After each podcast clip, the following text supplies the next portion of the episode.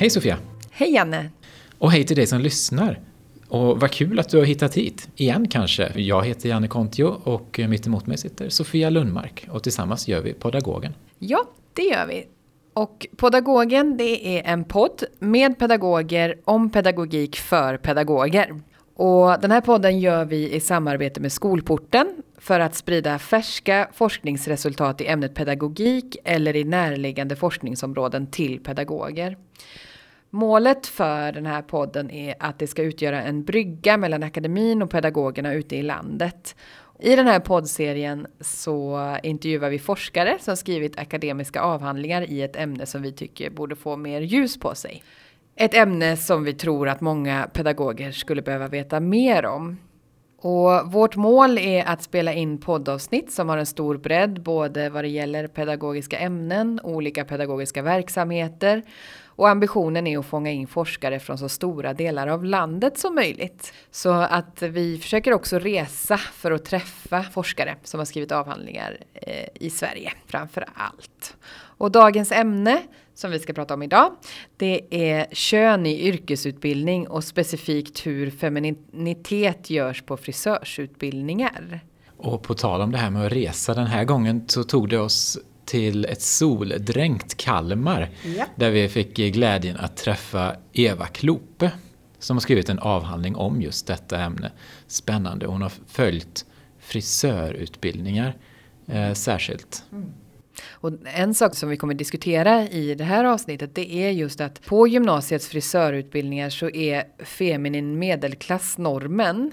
Men att de elever som går på frisörsutbildningarna har ofta arbetarklassbakgrund. Och det här är ju superintressant, inte minst i relation till hur de här tjejerna framförallt som går på frisörsutbildningar, hur de fostras in i det här yrket. Ja, och klass är ju en aspekt. En annan aspekt är just den här könade normen som finns. Som på ett vis står lite i kontrast till de förebilder som finns i yrket. Tittar man på vilka som företräder yrket publikt, alltså på TV och på andra ställen, så är det ju ofta män. Men den större andelen av yrkesutövarna är ju kvinnor. Mm. Vi kommer in på det i den här diskussionen med Eva. Och eh, vi tänkte bara nämna att Eva Klopes avhandling heter Respektabla frisörer, femininitet och yrkesidentitet bland tjejer i gymnasieskolans frisörutbildning. Vi kanske ska ta och lyssna på eh, vår intervju med Eva Klope. Det tycker jag, för att få reda på lite mer om det här superintressanta ämnet.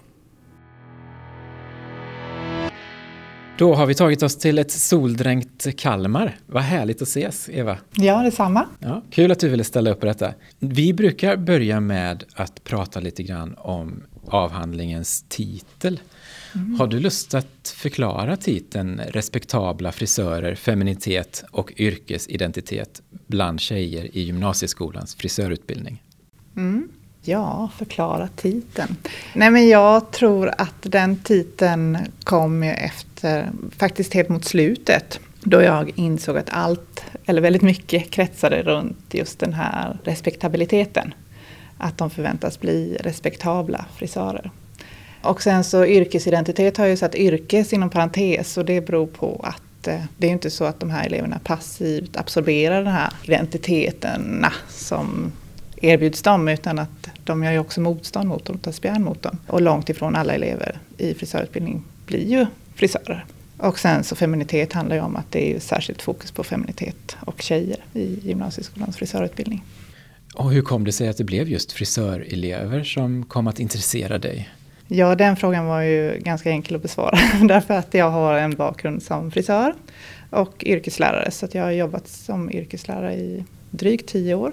Och frisör ungefär lika länge skulle jag säga. Längtar du tillbaka till det? Ja, det kan jag göra. Absolut. Jag kan sakna mina elever jättemycket och frisöryrket. Och varför blev det just ett viktigt fokus för dig att studera vad det innebär att vara respektabel? Varför just respektabel?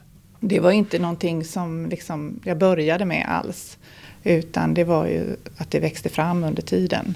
Så det respektabla blev ju mer ett resultat skulle man kunna säga. Så jag började ju mer med vilka förväntningar det är som de möter på vilka de ska vara och bli.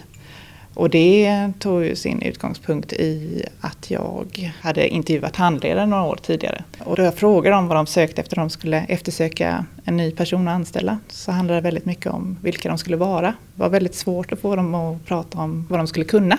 Utan det var mer att bara jag får rätt person så kan jag lära henne resten. Och de pratade också väldigt mycket om någon som skulle likna dem själva skulle man kunna säga. Och är det det som man ser som ett resultat i din avhandling? Vad det innebär att vara respektabel? Ja, ganska mycket skulle jag kunna säga. Ja. Att det respektabla finns ju ändå med i alla kapitel, mer eller mindre framträdande på något sätt. Yrkesval när vi pratar om det som eh, forskare inom det här gebitet eh, så, så, är det ju ofta någonting som vi ärver om pappa och farfar var bilmekaniker så mm. är risken större eller chanserna mm. större att man också väljer det som 15-åring att man söker sig till det yrkesprogrammet. Och när jag läser din avhandling så tycker jag att det är tydligt att det handlar en hel del om klass och att klass som kategori påverkar ens identitet och val i livet. Vad var det för någonting du fick syn på genom att kolla på klass i dina analyser? Om man tänker sig som eh, klass som elevers sociala bakgrund i termer av det de har med sig så är det ju så att eh, alla elever som jag följde hade ju någon form av arbetarklassbakgrund kan man säga. Om man med det menar att det var ingen som hade föräldrar som hade någon längre utbildning. Så det är ju ett sätt och sen finns det också en klassad förståelse av att man väljer ett yrkesprogram som också innebär då att ska bli färdig till ett yrke och arbeta med det yrket som inte kräver någon akademisk utbildning eller så. Och din fråga var ju nu analys.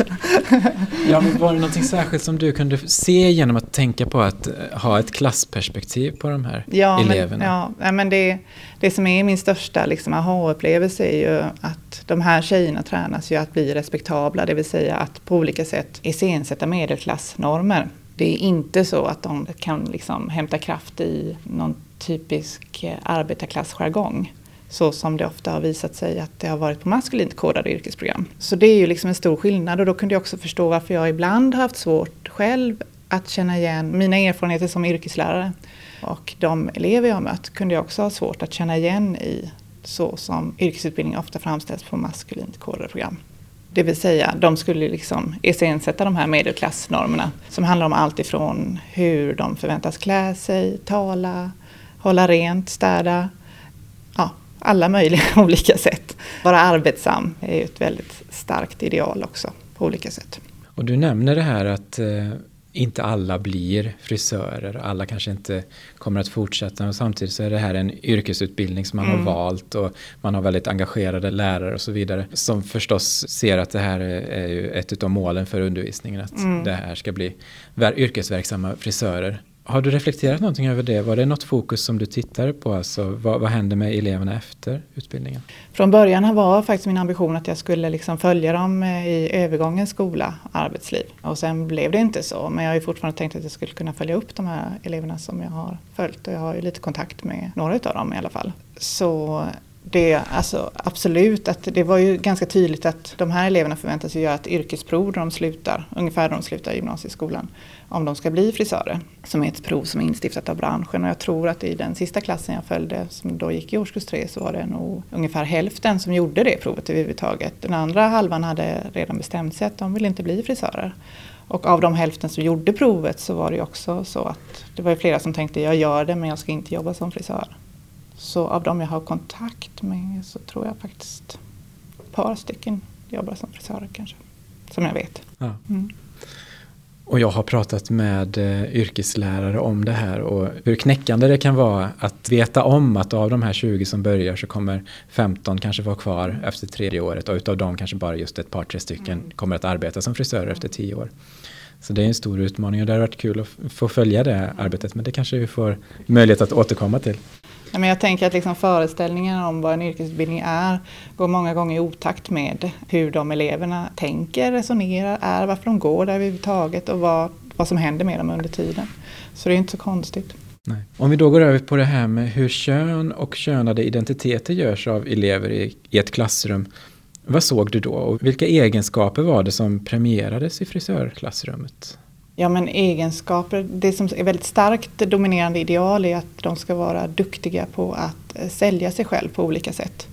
att eh, sälja in sig till en arbetsgivare, att sälja in sig till kunden. Och, eh, det kan ju handla om allt ifrån att kunna tala om sitt arbete på ett professionellt sätt, att kunna föra sig professionellt, att eh, vara omvårdande och sätta, alltså tänka på, på sin kund, att den ska bli nöjd och hon ska bli fin eller han ska bli fin.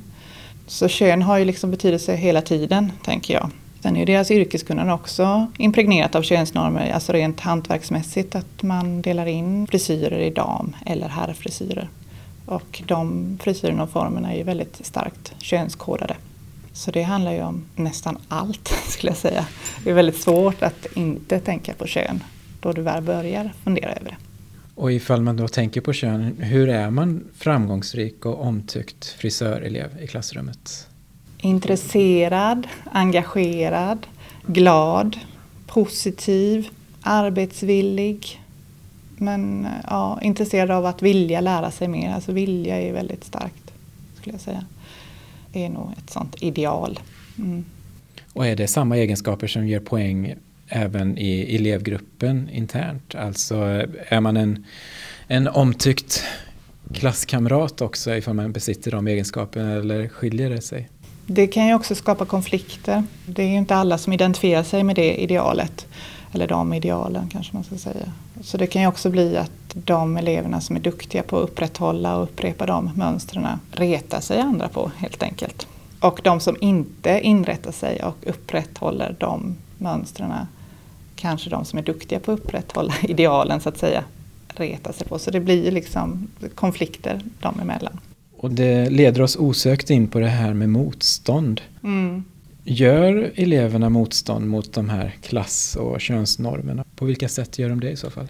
De gör ju väldigt mycket motstånd. Eh, och jag har varit noga med att poängtera, eller försökt att göra det i alla fall, att eh, det är ju inte så att samma elev alltid upprätthåller motstånd. Utan alla elever varierar ju, alla elever gör motstånd på olika sätt några gånger och några mer kanske oftare än andra. Men det kan ju handla om eh, att medvetet bryta normer för hur de förväntas se ut till exempel. Att klä sig mer utmanande än vad man vet förväntas av dem. Eller att klä sig, alltså joggingbyxor och så är också sånt som de talar om att det bör man inte ha för att du ska se liksom arbetsam ut inte förknippas med lat och sjavig som också är klassaspekter i. Det är också, har jag betraktat som en form av motstånd att eh, ändå välja att klä sig på det sättet. Men motstånd kan ju också handla om att inte visa den här viljan och engagemanget och det kan vara både ganska eh, vad ska man säga, uttalat eh, att säga jag hatar det, jag tycker det är dötråkigt, jag vill verkligen inte bli frisör. Eller att kanske mer förhandla bort olika undervisningsuppgifter lite mer subtilt. Att eh, sitta och fika lite längre än vad jag vet att vi får. Eller att eh, byta docka kan ta lång tid till exempel. Mm. Ja. Vad spelar det för roll att pojkar saknas i det här klassrummet? Och är pojkarna saknade? Ja, alltså tjejerna själva säger ju att, eh, jag har ju ett kapitel som handlar om deras konflikter och då säger de att eh, vi skulle behöva killar här, då skulle vi inte bråka. För de skulle styra upp oss, vilket också då reproducerar könsnormer på massa olika vis. Och killar är ju också eftersökta av branschen, att det talas om om det blev lite fler killar så, så skulle det bli bättre för branschen. Och då underförstått skulle jag säga att det handlar om att höja yrkets status. Men det är inte så att liksom, lärarna skulle inte säga att de saknar killar.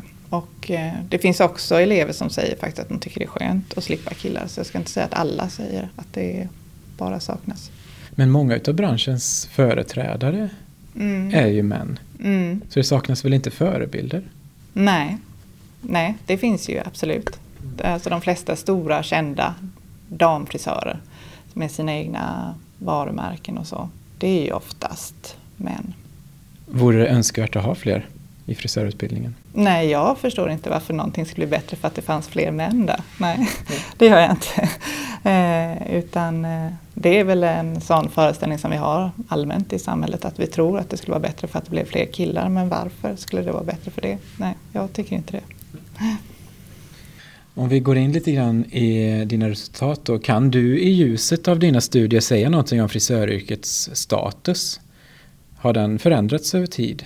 Och hur ser framtiden ut? Det talas till exempel i din avhandling mycket om, ett, om den lönearbetande kvinnliga entreprenören mm. och det måste väl ändå vara ett steg från den här hantverkstraditionen som har varit, mm. haft större fokus. Ja, om man tittar historiskt eh, inför avhandlingsarbetet så läste jag väldigt mycket branschtidningar från kanske 70-80-talet och framåt. Och då är det ju ganska tydligt att se att frisörbranschen har ju sökt sin status mycket i form av att mer betona företagande istället för hantverkande så att säga. För förut hette det ju eh, att det var en frisörföreningen hette det ju först men sen blev det ju frisörföretagarna. Så att eh, det är ju ett sätt för dem att tolkar jag det som, att försöka upprätthålla status via att bli, visa att vi är en arbetsgivarorganisation, vi är företagare. Alltså det är alltid pengarna på något sätt som, som ska ge makt i samhället, tänker jag. Samtidigt som det också finns en väldigt stark hantverkartradition som det finns väldigt mycket stolthet i. Men i utbildningen så var ju din fråga om lönearbetande entreprenörer. Eller vad ställer du för fråga?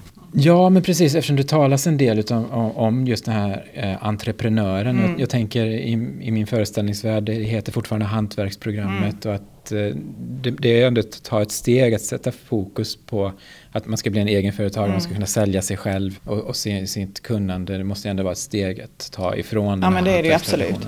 Och det ser jag väl som en del av en större samhällsförändring egentligen. Om jag tänker tillbaka på min egen tid, det har jag gjort mycket nu då jag utbildade mig eh, till frisör. Då var det ju aldrig tal om att jag skulle skapa en egen kundkrets till exempel. Utan det fanns ju en salong där jag fick jobb, där det fanns kunder. Och de salongerna finns väl i någon mån idag också men det är väldigt mycket mer fokus på att det är individen själv som ska skapa sig sitt arbetstillfälle på massa olika sätt. Och också ta ansvar för företagets lönsamhet och så. Den är liksom mycket mer framträdande skulle jag säga. Vad skulle du säga är dina viktigaste bidrag med den här avhandlingen? Nej, men mina viktigaste bidrag tycker jag ju är det här hur det respektabla att de tränas till att bli någonting annat än det de är från början, skulle man kunna säga. Och hur det också har skrivits samman med ett ekonomiskt marknadstänkande på många sätt. Så att det respektabla är ju någonting som både de själva förväntas tjäna pengar på och också de företag som de eventuellt kommer att arbeta i. Samtidigt som det då också är så att väldigt många kommer inte jobba som frisörer. Och ifall vi då tänker oss att vi sätter den här boken i en lärares famn, kanske en yrkeslärare på frisörprogrammet. Vad tänker du att läsaren ska ta med sig efter att ha läst dina studier? Ja, eh, det är ju en jättebra fråga som man alltid får. Min initiala eller min verkliga tanke är ju så här att jag känner inte att det är någon som ska ändra på saker och ting. Det blir ju ofta så att vi förväntas komma med lösningar och det känner jag att det är inte jag den som kan göra. Det har varit inskrivet att liksom lärare eller skolan ska verka för ett jämställdhetsuppdrag sedan 1969 eller någonting sånt. Men jag tror inte att jämställdhetsuppdraget egentligen börjar i yrkesutbildningen, det börjar väl långt tidigare i så fall. Och det är svårt att tillskriva liksom lärarna att det är de som ska ändra på det. För att eh, vi lever i ett sådant samhälle där vi har en väldigt stark könsordning. Men eh, min förhoppning är framförallt att de ska kunna känna igen sig och kanske kunna förstå den praktik som de deltar i på lite annorlunda sätt. Precis, och det tänker jag också är ett väldigt starkt bidrag i sig. Det behöver inte vara världsomkullvältande resultat som påverkar praktik, att man hittar nya lösningar. Men man kanske får upp ögonen för sin egen praktik på ett annat sätt. Mm. Vad, vad, tänker du då att lärarna får syn på?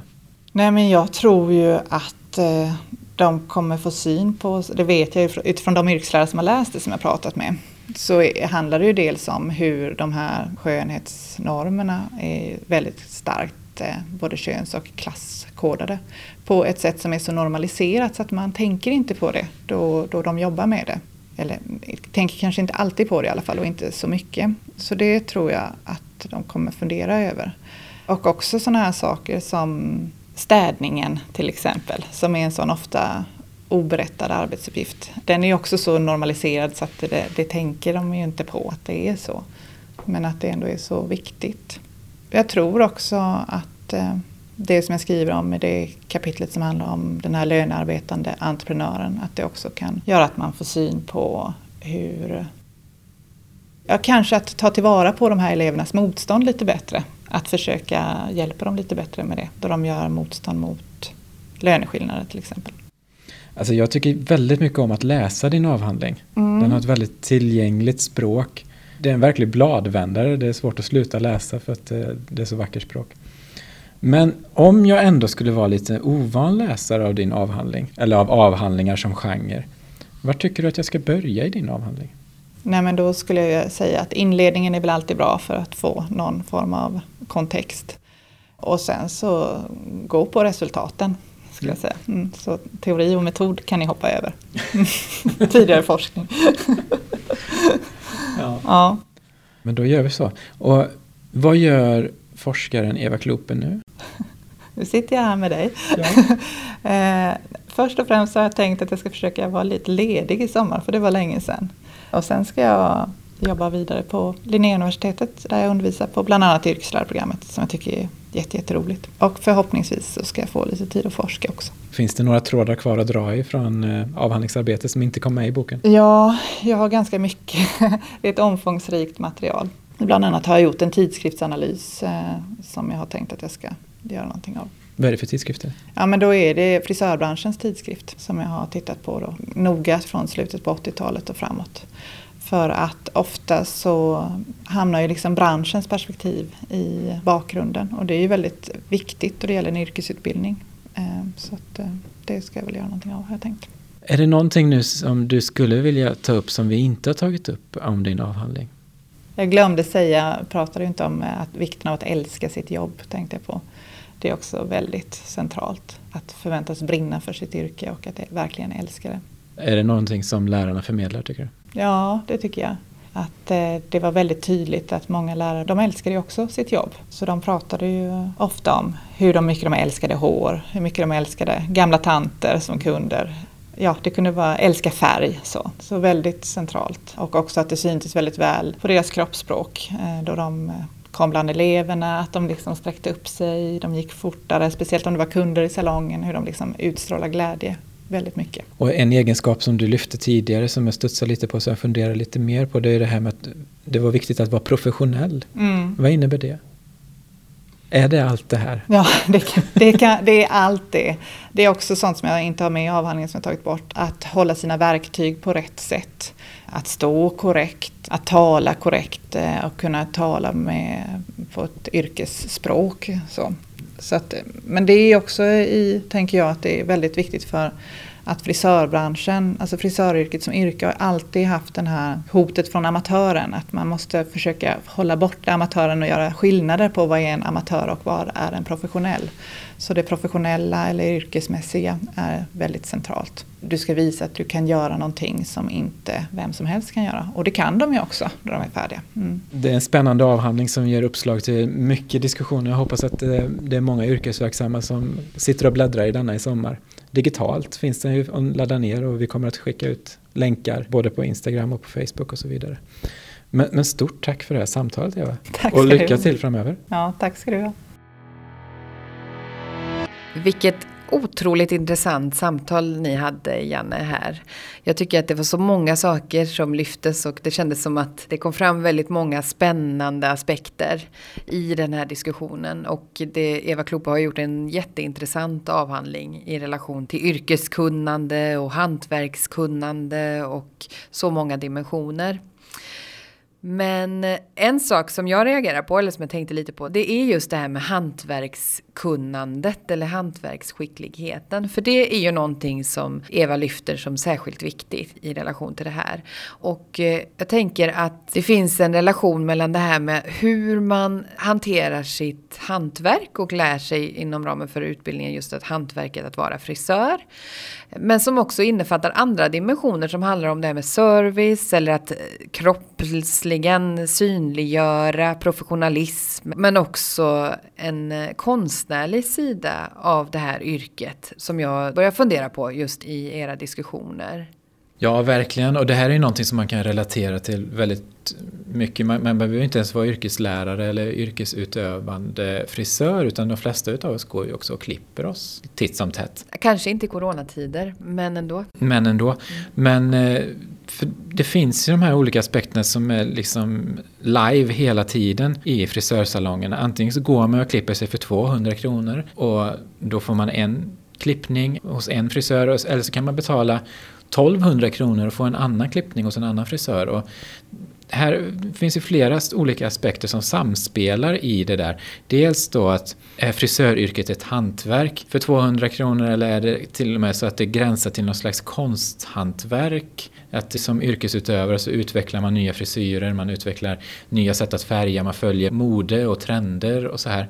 Och sen om man då vänder på, på myntet så handlar det också om att sälja en produkt, en vara, en tjänst. Så det här med entreprenöriellt lärande har ju också fått ett starkt genomslag i den här utbildningen och syns tydligt. De här eleverna lär sig inte bara ett hantverk utan de lär sig också att sälja det hantverket, kunna sälja sig själva och sina tjänster genom att kunna starta egna salonger eller att ingå i en koncept i någon annan salong väldigt många spännande aspekter som sen tangerar eller övergår i det här. Men hur gör man då det här yrket i salongen? Hur är man en professionell utövare? Jag tycker det var jätteintressant också det som Eva berättade om det här med städningen eller att sopa golvet. Att det blir en viktig sak i relation till professionalism. Vilket man inte kanske tänker på när man ser en frisör som, som städar i salongen eller sopar på golvet. Just att eh, det handlar om att också vara i arbete och att kroppen gruppens arbete också förmedlar professionalism och att det också förmedlar yrkeskunnande. Och det är ju väldigt unikt tänker jag och eh, väldigt speciellt just att också att man sätter kroppens betydelse för att utstråla professionalism. Jag tänker att det, det, är säkert applicerbart på väldigt många olika yrken men här har ju Eva liksom fångat att vad det faktiskt är som händer när man gör professionell frisör i, i relation till det här. Just det, och det i sin tur tycker jag tangerar det här med att vara yrkesstolt och att den personen eller den yrkesutövaren då som dricker kaffe i salongen, den utspeglar ju någonting som kanske den som väljer att dricka kaffe i personalrummet inte gör. Det, det, det, finns det här, den professionella kroppen då som mm. antingen går och ser upptagen ut och sopar eller, eller så. Som, som jag tror hänger ihop med det här med yrkesstolthet. Verkligen, och jag tänker också att det, som frisör på vissa salonger så är det ju också väldigt centralt det här med att kanske ha man har en sidoverksamhet som handlar om att vara fotograf eller att man fotograferar sina frisyrer. Man kanske arbetar med att göra installationer eller som DJ i salongen. Vilket ju också är, blir en sorts professionalism eller en, en koppling till en väldigt tydlig identitet som frisör. Att vilken typ av frisör som man faktiskt är. Jag tycker också att det var så himla intressant när ni kom in på det här med att en dimension som också de här tjejerna som Eva har följt eh, handlade om att älska sitt jobb. Och att det också var någonting som var väldigt centralt i det här. Att det kanske inte handlade om att älska jobbet hela jobbet eller jobbet i sig utan att det kunde handla om att att tjejerna uttryckte att de älskar hår eller älskar färg eller älskar gamla tanter. Vilket förmedlar ju någon form av driv i yrket eller en yrkesstolthet som också handlar om den här kärleken till arbetet och till olika dimensioner i det här yrket. Och att också att det är väldigt glädje eller lustdrivet eh, för många.